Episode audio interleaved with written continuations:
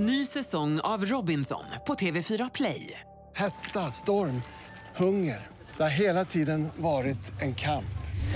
Nu är det blod och tårar. Fan händer just nu. Det. är Detta är inte okej. Robinson 2024, nu fucking kör vi! Streama söndag på TV4 Play. Hedersvåldet som du har varit med om, vad hände där? Jag har inga erfarenhet av svenska killar sådär men då snackar vi om andra problem när det kommer till svenska killar. Då kanske det är mer, han kanske prioriterar alkohol och festar. Det var så mycket tecken och signaler. Jag var så kär och jag var så beroende och jag vill ha min familj kvar. Liksom. Vi hade fått barn. Det var liksom allt ifrån att han kunde komma hem med rivmärken på ryggen och kom med de lamaste ursäkter. Ja, men jag var så naiv.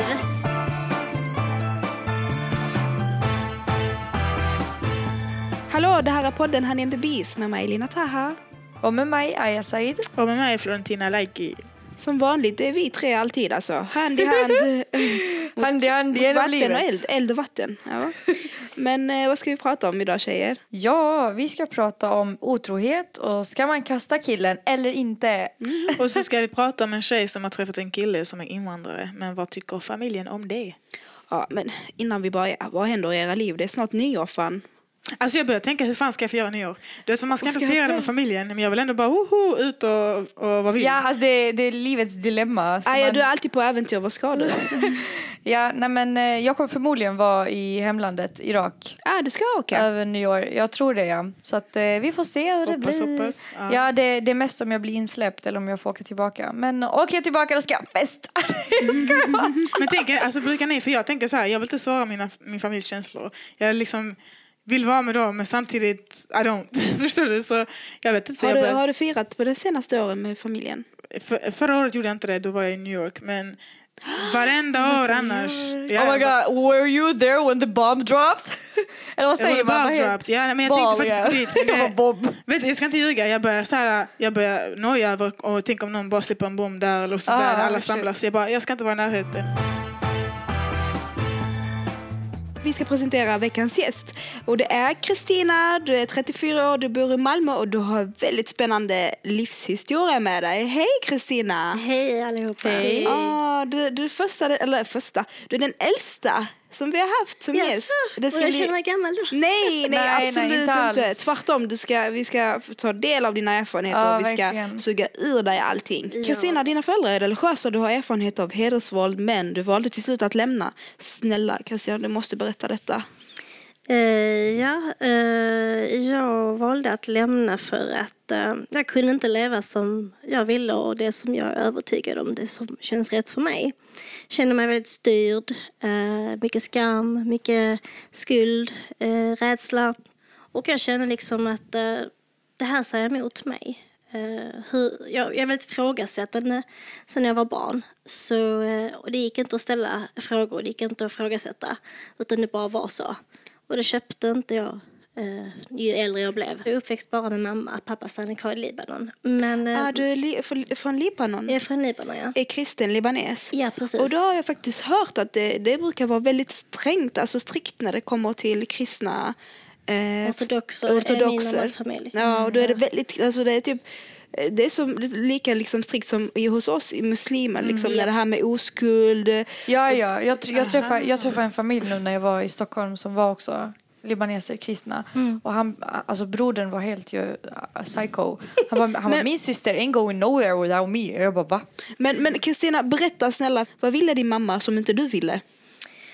Eh, ja, mamma, eh, om jag ändå visste vad hon ville. Hon, hon ville liksom både var libanes och, svensk. Så att det var svårt för mig som dotter, ena dottern i familjen att liksom veta vilken, vad ska jag vara liksom. Eh, mamma eh, hon var väldigt rädd för vad hennes bröder skulle tycka och vad hennes föräldrar skulle säga och så. Eh, för att eh, hon kunde bli hotad och hon kunde liksom bli kontrollerad. De försökte kontrollera henne och så. Och likadant var ju henne med mig, eh, ju äldre jag blev.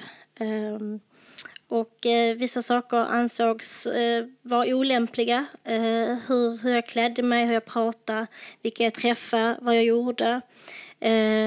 Det var haram, det var aib. Eh, Oj, jag ska översätta dem. Ja, men förbjudet liksom. ja. det är skam. Det är skam. Säger ni haram också? Vi säger haram också. Mycket haram har jag fått höra. Ah, men men eh, alltså det jag diskuterade med min vän då, eh, vi bara frågade varandra, hon är kristen och jag är muslim, och vi bara tänkte, eh, libaneser som är kristna, får de festa? Fick du festa? Liksom med killar ute på nattklubbar och så, eller vad? Nej, det fick jag inte. Okej. Det- det Trots att alkohol förekommer inom kristendom och det är liksom inget konstigt alls. Eh, ja, eh, konstigt nog så eh, nej, jag fick eh, helst inte det. För att det handlar mer om att om någon får veta, om någon ser och så här. Det Liksom handlar aldrig om alkoholen, det handlar om alla folk. människor som är där. Ja. Ja, det är också det här liksom att man ska göra någonting dumt och så i Men- samband med precis. alkoholen eller av kompistryck. Det det här eh, hedersvåldet som du har varit med om, vad hände där? Eh, ja, eh, dels har jag fått se hedersvåld mot min mamma. Eh, och jag har fått eh, själv uppleva det eh, i form av hot.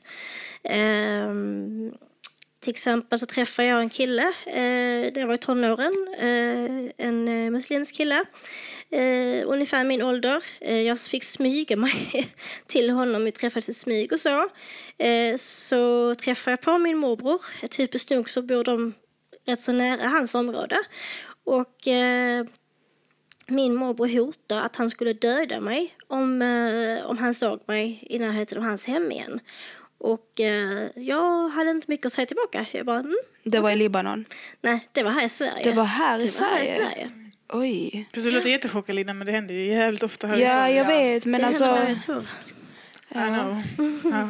Men, men det var alltså här i Malmö då, eller? Ja, det var här i Malmö. Hur lämnade du det här bakom dig? Eller vad gjorde du? Vad var det som fick dig? Var det någon speciell händelse som gjorde att du tänkte bara nej, nu räcker det fan?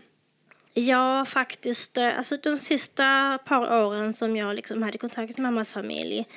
Eh, jag var ju mycket tyst. Alltså jag, jag sa ju inte vad jag tyckte och kände. Jag höll mycket inom mig. Och det har blivit rätt så häftiga diskussioner med mormor som är mega religiös. Eh, alltså det kunde vara att de dömde andra. Eh, det var mycket prat om eh, att det här var, det var fel att gifta sig med vi säger muslim till exempel. Eller att man inte ska eh, ljuga eller att man inte ska leva på ett visst sätt. Mycket dömande av hur andra väljer att göra. Eh, men så upplevde jag att eh, de vuxna, eh, mormor så, de, de sa mycket eh, sånt som, som de tyckte andra gjorde fel. Men det passar inte med vad de själva gör. Eh, det är dubbelmoral där. Och det har jag svårt för. Liksom. Eh, faktiskt en av de största anledningarna till eh, varför jag valde liksom att nej, nu får det räcka. Det, är- jag, håller på, jag är medial, eh, så jag håller på med tarotkort och änglakort och änglar och så. Oh my god. Du måste spå mig. Du måste spå oss! nu låter vi som hela and the... he- Hela. and the Bee. Jag, jag, nej, men jag kände bara att du, du behöver spå mig först. Jag behöver ta reda på saker och ting. Ja, då, absolut ingen fara. Ja, det fixar vi. Eh, det, det var liksom så här att det är haram och det är häxeri och det är magi. Det är haram och, inom, eh, alltså, magi är haram, alltså förbjudet, eh, en synd inom kristendom också. Men att spå Ja, ja, är ju inte det. magi. Det är att kunna läsa stjärnor, eller? Alltså, att spå är inte magi eh, alls. Alltså, Nej. det har ingenting med, med trollkarl eller så här att göra. Utan eh, det är liksom, det är också från Gud. Det är en gåva som vi människor har fått. Så jag börjar ifrågasätta, men ni kan be till det här, det här helgonet. Men att jag ska be till och ha kontakt med den här ängeln, det går inte för sig. Eh, det ska vara liksom just eh, eh, Jungfru Maria eller Sankt Elias eller vad det nu är. Alla religioner har ju sina Ja, precis. helgon och så här. Eh, Så det var dels mycket att det var emot eh, vad jag gjorde, att jag spådde. Och jag hjälper ju människor när jag liksom vägleder dem med mina tarotkort och, och med min medialitet. Och det känns bra för mig, men det var fel sätt för dem. Och sen en annan sak som vi kommer att komma in på sen, det här med otrohet. Åh herregud. Och det här med att ljuga falskt. Alltså svära på Bibeln till exempel i ren lögn. Och jag visste ju om, jag ställde fråga jag menar inte att hänga ut någon, men jag ställde frågan liksom, har du gjort detta? när jag svär på Bibeln till exempel. Jag har inte det. Och det visste jag redan. Eh, att, Dubbelmoral då? Alltså du kände att det var den ena stunden så ger de dig en bild av, av kristendom, den andra stunden så går de själva emot det. Precis, precis. Men, han, men handlade detta om, om eh, inte familjen utan handlingarna, deras handlingar eller handlade det om religionen? Alltså det var handlingar och religioner, för jag ser ju också religionen i stort. Alltså inte bara inom mammas familj då till exempel. Det kan även vara pappas, för jag har ju varit mycket i Libanon också. De har jag också tagit avstånd ifrån. Pappa är maronit, alltså katolik kan man säga. Mm. Och de är väldigt traditionella och eh, det, jag fick inte ens gå ut, mitt, eh, mitt ex eh, då. Jag fick inte gå ut för att man får inte lov att liksom röra en kille eller göra någonting innan man är gift till exempel. Ja. Och det, är också... det är som islam. Men får man fråga liksom när, under vilken tidpunkt du vände mot din familj och blev liksom eh, självständig? Handlade det om någon specifik, specifik ålder eller handlade det om att, alltså, att du blev mo, alltså, inte modig nog typ, att säga ifrån? Eller handlade det om att nu är det för mycket motsägelse, nu är det för mycket idioti mm. som sägs att jag inte jag spyr, jag klarar inte av det längre. Mm. Alltså vilket, var det både och eller var det kanske, vad, vad var det? Helt, helt eh, bröt jag i september i år. Ja, det är Augusti, september. Ganska nytt. Okay. Det är ganska det nytt. Inte, ja, det, det, är ganska nytt och då menar jag att jag hade gett flera chanser och man känner liksom ändå att jag ska inte vara så och så och så. Men någonting inom mig skriker att nej, det här är inte jag. Det här vill jag inte. Men hur är det nu? Träffar du inte din familj? Eh, nej, det gör jag inte. Bara mina syskon. Men mina syskon har heller ingen kontakt med, med övriga. Tack så jättemycket Kristina för att du är här och delar med dig. Och jag vill bara säga tydligt, för att jag sa i början att jag känner igen det här beteendet från kristna libaneser. Men jag vill också påpeka att det gäller ju inte alla kristna libaneser. Eh, jag har också tänkt mycket Lina på det här med, med liksom, eh, olika religiösa grupper och så. Men jag har kommit underfund med att det där är kultur. Mm. Det är inte islam och inte kristendomen är skilda. Mm. Utan det är kulturen och de traditionella könsrollerna. Ja, könsrollerna. De har ju funnits i så, så många år, ja, sedan 1930-tal. Ja. Det är de gamla normerna som vi försöker bryta. Och nu ska vi vidare för att prata om eh, ett av de inläggen som har kommit till Facebookgruppen Honey and the Bees. Som vanligt liksom, inget nytt. Men eh, vi ska prata om ett inlägg som är ganska vanligt. Många tjejer skriver eh, alltså just om det här problemet som vi kommer att diskutera. Det är en tjej som har varit ihop med en kille i tre år och de har ett jättebra förhållande och allt det här. Men för två år sedan så var han otrogen på en fest. Han var full och han visste inte liksom vad han gjorde. Och ja, eh, alltså hon, äh, han sa ju förlåt för det men hon kan ju fortfarande inte släppa det här även om det har gått ett tag och så. Hon tänker på det. Hon alltså, det kom, jag, jag förstår liksom vad hon menar. Man kan ändå inte gå vidare. Alltså, för, vad brukar inte? man säga? Forgive but not forgot. Yeah, men jag, jag ser det så här, om jag nu får säga vad jag tycker. Jag ser det så här att när när du, har, när du ska förlåta en människa som varit otrogen mot dig, gör inte det överhuvudtaget förrän du har förstått exakt varför den här människan var otrogen. Och du ska se i, i din kille att han förstår varför han var otrogen. Mm. För fattar inte han själv varför han eh, gjorde det han gjorde så kan det hända igen om du förstår varför det händer och jag ser att min kille är så medveten om varför han själv gör det han gör. Han berättar för mig, nu förstår jag varför detta hände. Betyder inte att jag tycker det är okej. Okay. Jag förstår det. Och sen därefter så får jag säga till mig själv, kan jag förlåta detta eller inte? Och inte bara det, utan du måste, du måste vara ärlig mot dig själv. Liksom. Kan jag, är jag självsäker nog för att kunna förlåta detta och gå vidare. Mm. För många av oss har riktigt dålig självkänsla. Och när en sån här sak händer så vill vi förlåta, för vi vill ha killen kvar. Men vi mår så dåligt över vårt eget utseende, vår egna personlighet och allt det här så att minsta lilla kommer förstöra oss. Och en sån här grej kan förstöra en människa som inte alls är självsäker. Och det, det, är lite där också, man får rädda sig själv lite ur en sån situation genom att akta sig om man vet att man inte är mentalt stark nog. Mm. Det är min åsikt. Men Kristina, vad tycker du om otrohet? Har du varit med om det? Ja, jag har varit med om det. Um, jag håller med Florentina uh, om att liksom, det är viktigt att uh, personer som har varit otrogen kommer till insikten varför varför hände detta mig? Vad var det som brast liksom? Eh, och eh, samma sak med partnern som, som är att eh, det är väldigt lätt att säga att jag förlåter det för man vill det. Men en annan sak att verkligen göra det och inte låta detta liksom eh, vara kvar. Mm. Och eh, tyvärr som vi har hört innan och det stämmer eh, om tilliten är lite skadad så är den svår att få tillbaka. Jag skakar lite på huvudet. Så Ja. jag, jag har varit med om det själv i förhållandet som jag har nu. Så jag, det kanske inte min snubbe vill att alla ska veta. Men det har hänt, det har hänt och en hel del vet om det. Men grejen är, det hände eh, early on och jag tänker säga jag tror inte att han kommer gå och sätta någon annan nu så fort vi bråkar. Liksom. Det trodde jag för. Och det, det är på grund av att vi har byggt den här tilliten nu och på grund av att den här människan har visat för mig att jag skäms så mycket för det jag gjorde. Det var helt onödigt. Jag fattar varför jag gjorde det. Vi har brutit ner varför det hände. Vi bröt ner hela kvällen och varför jag ringde och tjatade innan någonting ens hade hänt. Och jag var så här, men gå hem med dig, varför ska du vara ute nu? Bla, bla, bla, bla. Och han säger, men jag gör ju ingenting, varför skyller du på mig när jag inte gör någonting? Och då tänker han, jag är skyldig ändå så jag kan lika bra göra det. Sådana här tankar kan vi bryta ner och prata om och sen get over it. Sen har jag haft mina stunder också, jag är inte robot, jag är människa också. Jag har haft mina stunder där jag bara tänkt, du vet kanske kollat på hennes huvud och bara typ, men varför just henne och varför så här och tycker han om detta mer än det här? Jag hade mina sådana perioder också men det gick över ganska snabbt för att jag, jag Du kunde förstod inte. det? Ja, jag förstod det för mycket för att Jag liksom, hänga upp hatar mig på dig det. för att du har övertygat mig om det här. Alltså, alltså på shit, riktigt. då- Men för mig på riktigt, alltså för mig var otrohet bara liksom att du har en annan människa i tanken, eh, sexuellt då, det är otrohet för mig. Det är, alltså, det är fortfarande otrohet egentligen, men men du har fått mig, Florentina, att förstå det här på ett, på ett helt annorlunda sätt. Att jag till, alltså till liksom, hur ska man säga, till nivån att jag kan prata med min partner om att, ja men varför har du gjort det här och verkligen vara lugn för att jag kan förstå det någorlunda. Och man behöver inte acceptera det bara för Precis. att man har förstått det. Men, men det är fint att kunna förstå det för att det är bara du som växer i det. Det är bara... Det, jag tror verkligen att det, att det är bara en... Men Alltså, ska, hur ska man veta om man vill eller om man kan komma över det på riktigt?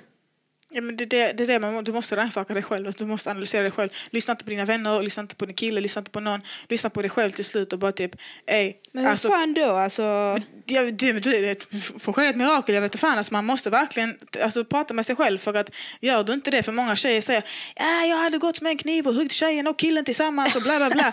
ja, vad kommer du fram till då? Alltså jag undrar på riktigt, rannsaka dig själv och säg till dig själv, vill jag komma fram till en lösning? Vill jag lösa det med honom? Vill jag vara för mig själv? Vad vill jag göra? Att hugga någon kommer aldrig vara lösningen på Nej något. precis. Du Och kommer tänk, inte komma fram och, till något. och tänk om han inte ens vill vara med den här personen. Alltså, Mm. Tänk om han, han har gjort det för att han inte ens har kanske känslor. eller Precis. Vad fan det nu kan, än kan vara. Kristina, kan du berätta om det? Du sa ju att din kille har varit otrogen. Kan du berätta om den gången? Vad hände? Ja, eh, jag var... Jag upptäckte det när jag faktiskt var höggravid med min första son. Eh, jag hittade, inte för att jag vet vad jag gjorde där, men jag hittade en kondom i hans eh, jackficka. Jag skulle hämta något pengar, jag vet inte vad. Eh, och jag frågade honom liksom, varför har du en kondom i, i jackfickan? Då fick jag en ursäkt som att, ja men min kompis la den där eller något sånt. Hej då. Jag stod där höggravid och jättekär. Jag köpte inte det han sa, men jag lät det gå. Och så tänker jag, din kompis vet inte alla om att du är förlovad och har stadigt förhållande. Alltså snälla, det är det typiska. Man ska alltid ja, ja, komma ja. och blanda in kompisen och brorsan och kusinen och släkten. Alltså, Men jag snälla. fortsätter. Eh, jag köpte det då och så, eller ja, låtsades köpa det. Men det, det var så mycket tecken och signaler. Men jag var så kär och jag var så beroende och jag ville ha min familj kvar liksom. Vi hade fått barn. Det var liksom allt ifrån att han kunde komma hem med rivmärken på ryggen och kom med de lamaste. Ja, men jag var så naiv. Jag var så naiv alltså. torture. Så det var liksom inte bara att det hände någon gång att du fann något tecken, Nej, utan nej. det var pågående. Det, Det- där är fan, Fan, hemskt. Alltså. alltså. Ja, det, det, ja. Men Kristina, du som har varit med om otrohet, vad är ditt sista råd till den här tjejen i inlägget? som vi var inne på innan, att ha, kan hon verkligen komma över detta? För att det kan bli en osäkerhet som följer med henne. Mitt råd till henne är prata med honom, kommunikation, mycket, mycket viktigt. Är hon osäker nästa gång han ska ut, nästa gång han ska dricka, följ med henne ut, gå ut tillsammans. Det kan också vara jättebra. Eller så får han, om han känner en osäkerhet när han dricker att det kan hända igen, så får han låta bli spriten. Om inte han kan hantera den. Helt rätt. Nu ska vi prata om ett av alla anonyma inlägg som kommer in till gruppen Honey in the Bees. Eh, det handlar om en eh, 17-årig tjej som är helsvensk men som nu har träffat en utländsk kille. Och hon vet att hennes föräldrar är rätt skeptiska till utländska killar när det kommer till mycket flyktingar, alltså nu när det har kommit mycket flyktingar till Sverige. Och hon menar ju att ja, familjen har en dålig bild av utländska killar på grund av hur de beter sig mot tjejer. Hur ska hon göra? Alltså ärligt, ärligt talat, jag förstår. Uh, jag förstår att man kan ha en sån här bild. Men det jag inte förstår det är att det liksom bara är inriktat mot, en, mot invandrarkillar då och inte liksom alla killar. För att, för att det här mönstret av att killar inte kan behandla tjejer på ett rätt sätt det finns ju i alla olika samhällen i hela världen. Eh, men jag är så jävla trött på det här att man hela tiden ska fokusera på var folk kommer ifrån och inte kommer ifrån. Och det känns som att man, man tänker liksom eh, om det kommer en, en, en människa från till exempel vad ska man säga, Palestina, Kosovo, whatever eh, och beter sig på ett visst sätt så behandlar vi folk som att alla som kommer från det landet är last cause. Alltså man kan inte hjälpa någon, ingen kan förändras. Och det är det som stör mig jävligt mycket. Varför tror man att när någon kommer till Sverige eller någon är uppvuxen i Sverige, whatever how they may be och vilka traditioner de än kommer med, varför tror man att det, ingen kan förändras. Det stör mig också lite, du vet att man tror att man kommer med stenåldern. Fast vänta lite, alltså egentligen länder som är lite uts alltså, så här, utsatta för krig, utsatta för konflikter, eh, dessa länder stannar ju kvar i sin utveckling egentligen. Så att, så att jag kan förstå att, att killar, många män eller människor eller kvinnor därifrån kommer med en föråldrad synsätt på livet och saker. Så jag förstår liksom var den här fördomen har växt upp ifrån faktiskt. Okay, men det är det här som... Menar du då alltså mentaliteten och de här utvecklingsländerna som inte är lika långt i utvecklingen, ja, ja, utbildning men... och sjukvård som, som ja, men alltså det hand... i västvärlden? Men det handlar jättemycket om att Sverige har, har, har liksom haft fred hur länge som helst. Yeah. Och man har hunnit sitta ner, reflektera över Exakt. alla dessa tankar, reflektera över, för, över men det därför vi har feminism till exempel. Mm, mm. Um, så så det, är det, det, det, är lite det jag menar med att man kan inte förvänta sig då att det kommer en människa som har varit i ett krig som har fått prioritera om, man ska, om vad man ska äta eh, men, och, och, och vilket tak man ska ha över huvudet. Alla, alltså förlåt, eh, men nu drar ni alla utländska killar över en kam Men jag tänker så här, jag försöker tänka från pappas perspektiv. Kan ni förstå då att vi säger nu jag, är, jag, är, jag heter Magnus och jag är 54 år gammal och min kära dotter, du vet hon vill börja dejta och sånt. Så tänker jag, min egen erfarenhet är att svenska killar är ganska lugna. Vissa tänker att svenska killar kan, man, kan vara push pushovers, vissa tänker, förstår du vad jag menar? Men om man själv tänker, jag är en lugn människa, jag är uppväxt i ett svenskt hem, jag vet att här är det safe. Jag har hört mycket skit om att de här gör så här, de här misshandlar, de här har de här hederskulturen, de här. Kan ni förstå då att en farsa är fett orolig när det handlar om ens 17-åriga dotter? Och Absolut. att man tänker liksom, nej men det är bättre att stanna här och jag vet att det är safe. Fast det är ju bara massa fördomar och det stämmer inte. Svenskar och irakier kan vara lika lugna. Mm. Ja, det är det jag menar. Så men kan jag, de lika hypa också. Det är det också jag menar med det här med att men, man har fördomarna. Och att man kanske förstår att människor kan ha vissa fördomar men sen måste ju farsan också vakna upp och educate himself. Men det handlar inte om, förlåt mig, det handlar inte om fördomar. Jag har ju, jag, jag har erfar, erfarat det här jätte, alltså flera gånger och visst, jag har inga erfarenhet av svenska killar sådär men då snackar vi om andra problem när det kommer till svenska killar. Då kanske det är mer att, eh, amen, han kanske prioriterar alkohol och festar innan, sin, bara, in, in, innan, innan Netflix and chill. I don't know. Men, men jag menar på att det här, det, så här är det ju i, i, alltså om vi tittar på majoriteten och, och, och sättet de här människorna som bor i dessa länder tänker på och ha, eller har fått utrymme till att tänka på. De, deras behov är ju inte uppfyllda. De kan inte komma till att prioritera sig själva och sina tankar för att de är fast i ett mönster av att ja, men, vi, måste liksom, vi måste skydda, vi måste, vi måste äta, vi måste, de här grundläggande. Och finns inte de grundläggande där då kan människan inte utvecklas till ett annat stadie. Kristina, du, du klappar åt, eller du pekar åt Aja. ja, eller tycker att hon fick med det där. Alltså, när det gäller det här med att utvecklas och liksom, eh, kunna komma vidare till en annan nivå. Det är helt rätt att människor måste få känna en trygghet, vare sig det är barn eller, eller vuxna. Annars kommer man inte vidare i utvecklingen. Alltså, det gäller både mentalt och kroppsligt och allt det där. För det, det händer liksom så mycket att det går tillbaka. Eh, så att där finns ju både fördomar och där finns ju faktiskt också en verklighet med hur yeah. det ser ut. Och jag tror överlag att svenskar är rädda för att liksom prata om detta för att de är så rädda och bestämda som rasister. Mm. Men faktum är att, att vi utländska själva är rädda för andra utländska. Exakt. Vi Det är som bor- har sant. Och det är det jag menar. Och det var Ja. det jag försökte komma fram till. Vi ska liksom inte sitta och försköna för att egentligen, alltså det här är pretty much facts. Eh, och när vi pratar om dem, då, det, är då, det är då jag tror att när vi blir medvetna, när vi, när vi vågar sätta, sätta liksom ett finger på att där ligger problemet, då kanske vi kan liksom komma vidare och börja prata om, okej men hur hjälper vi dem att integrera dessa tankar som inte liksom är där än? Det är mötet, Det är när man mötet. träffar eh, varandra. Eh, man måste ge Helt den andra en chans. Ja. Känner ni då också super- att, att den, här, den här 17-åriga tjejen då, att det nästan blir, eftersom hennes familj kanske väljer att vara ignoranta just nu, känner ni då kanske att den här 17-åriga tjejen, det blir hennes ansvar att se till så att det här mötet sker? Förstår ni vad jag menar? Det blir, Ja, lite, alltså, det blir en väldigt ung tjejs ansvar att educate hennes familj och, och göra dem obekväma så att de måste lära sig nya saker och de måste Men liksom ska, men ska för- man verkligen ta hänsyn till en rasistisk pappa? men jag vill inte säga att han är rasistisk. Alltså jag vill inte... Jag tycker vet inte heller det är Jag vill inte säga det. För det, så fort vi säger det här med rasistiskt, det det är det vi menar också. Då vågar man inte ens prata om saker och ting. Då vågar man inte... För att om han har funderingar... Alltså det är det som är så sjukt. Tänk om man tar hem en, låt oss säga Hassan, och sen han vill egentligen fråga honom, hur är det i din familj? Alltså, Gör din farsa så här mot din morsa eller har ni de här traditionerna? Han vill egentligen ställa de här frågorna men han vågar inte göra det för så fort han gör det så blir det din jävla rasist. Du fan, har Ja, kan, kan, vi, kan vi inte prata om okunskap istället för rasism? För att det, är ju, det handlar ju mer om det. Eller inte okunskap Rädsla kanske. också. Ja. Rädsla, men också att man värderar ju människor olika. Men det, i det här fallet så värderar ju... Det handlar inte om människan, för att pappan känner inte människan. Det. I det här fallet så handlar det ju verkligen om fördomar. Ja. Men om vi ska slutligen ge lite, alltså, alltså slutligen ge råd till tjejen. Vad ska hon göra? Kristina? Jag, jag hade argumenterat, alltså mina föräldrar har försökt liksom få dem ge den här eh, killen en chans till att träffa eh, och liksom försökt vinna deras förtroende. Alltså att de ska lita på mitt omdöme och vill de ha ett eget omdöme så får de ju ge den här personen en chans. Och det, det är väl bättre eh, att träffa honom än att jag ska behöva gå ut och göra detta i smyg.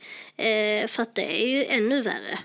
det skapar precis. ännu mer oro och eh, eh, brist på tillit. Vad gör hon och så här. Få, liksom. få, alltså att bara få dem att förstå det här med att, med att det, det är mycket bättre att, att jag sitter här hos er, med er, framför er och umgås med en människa än att jag gör det bakom rygg helt enkelt. För åtminstone så har ni någorlunda kontroll, någorlunda för, lär ni känna honom.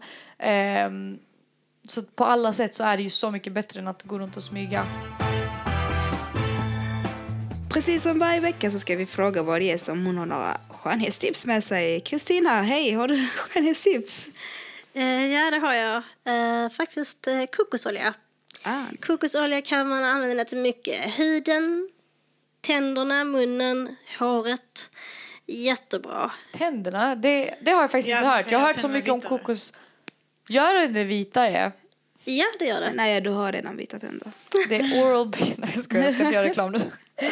Ja. Men hallå tjejer, alltså vet ni vad? Jag lyssnar på en podd som heter Ihop med Josefin och eh, alltså jag reagerar sjukt starkt på att de faktiskt, alltså det kändes som att de typ nedvärderar en häst. Typ så. Men jag är rädd för, men alltså jag, men jag fattar inte hur, hur kan man snacka om djur på det sättet som att de är, de är farliga eller de har mindre hjärna eller vad det var, nu var. Ah, ja.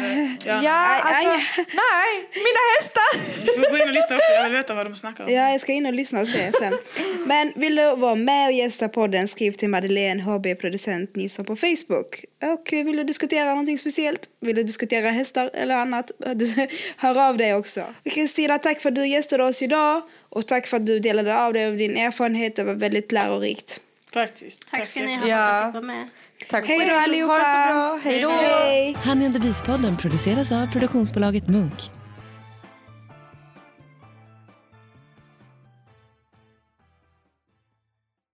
Ny säsong av Robinson på TV4 Play. Hetta, storm, hunger. Det har hela tiden varit en kamp. Nu är det blod och tårar. Fan händer just nu. Det. Detta är inte okej. Robinson 2024, nu fucking kör vi!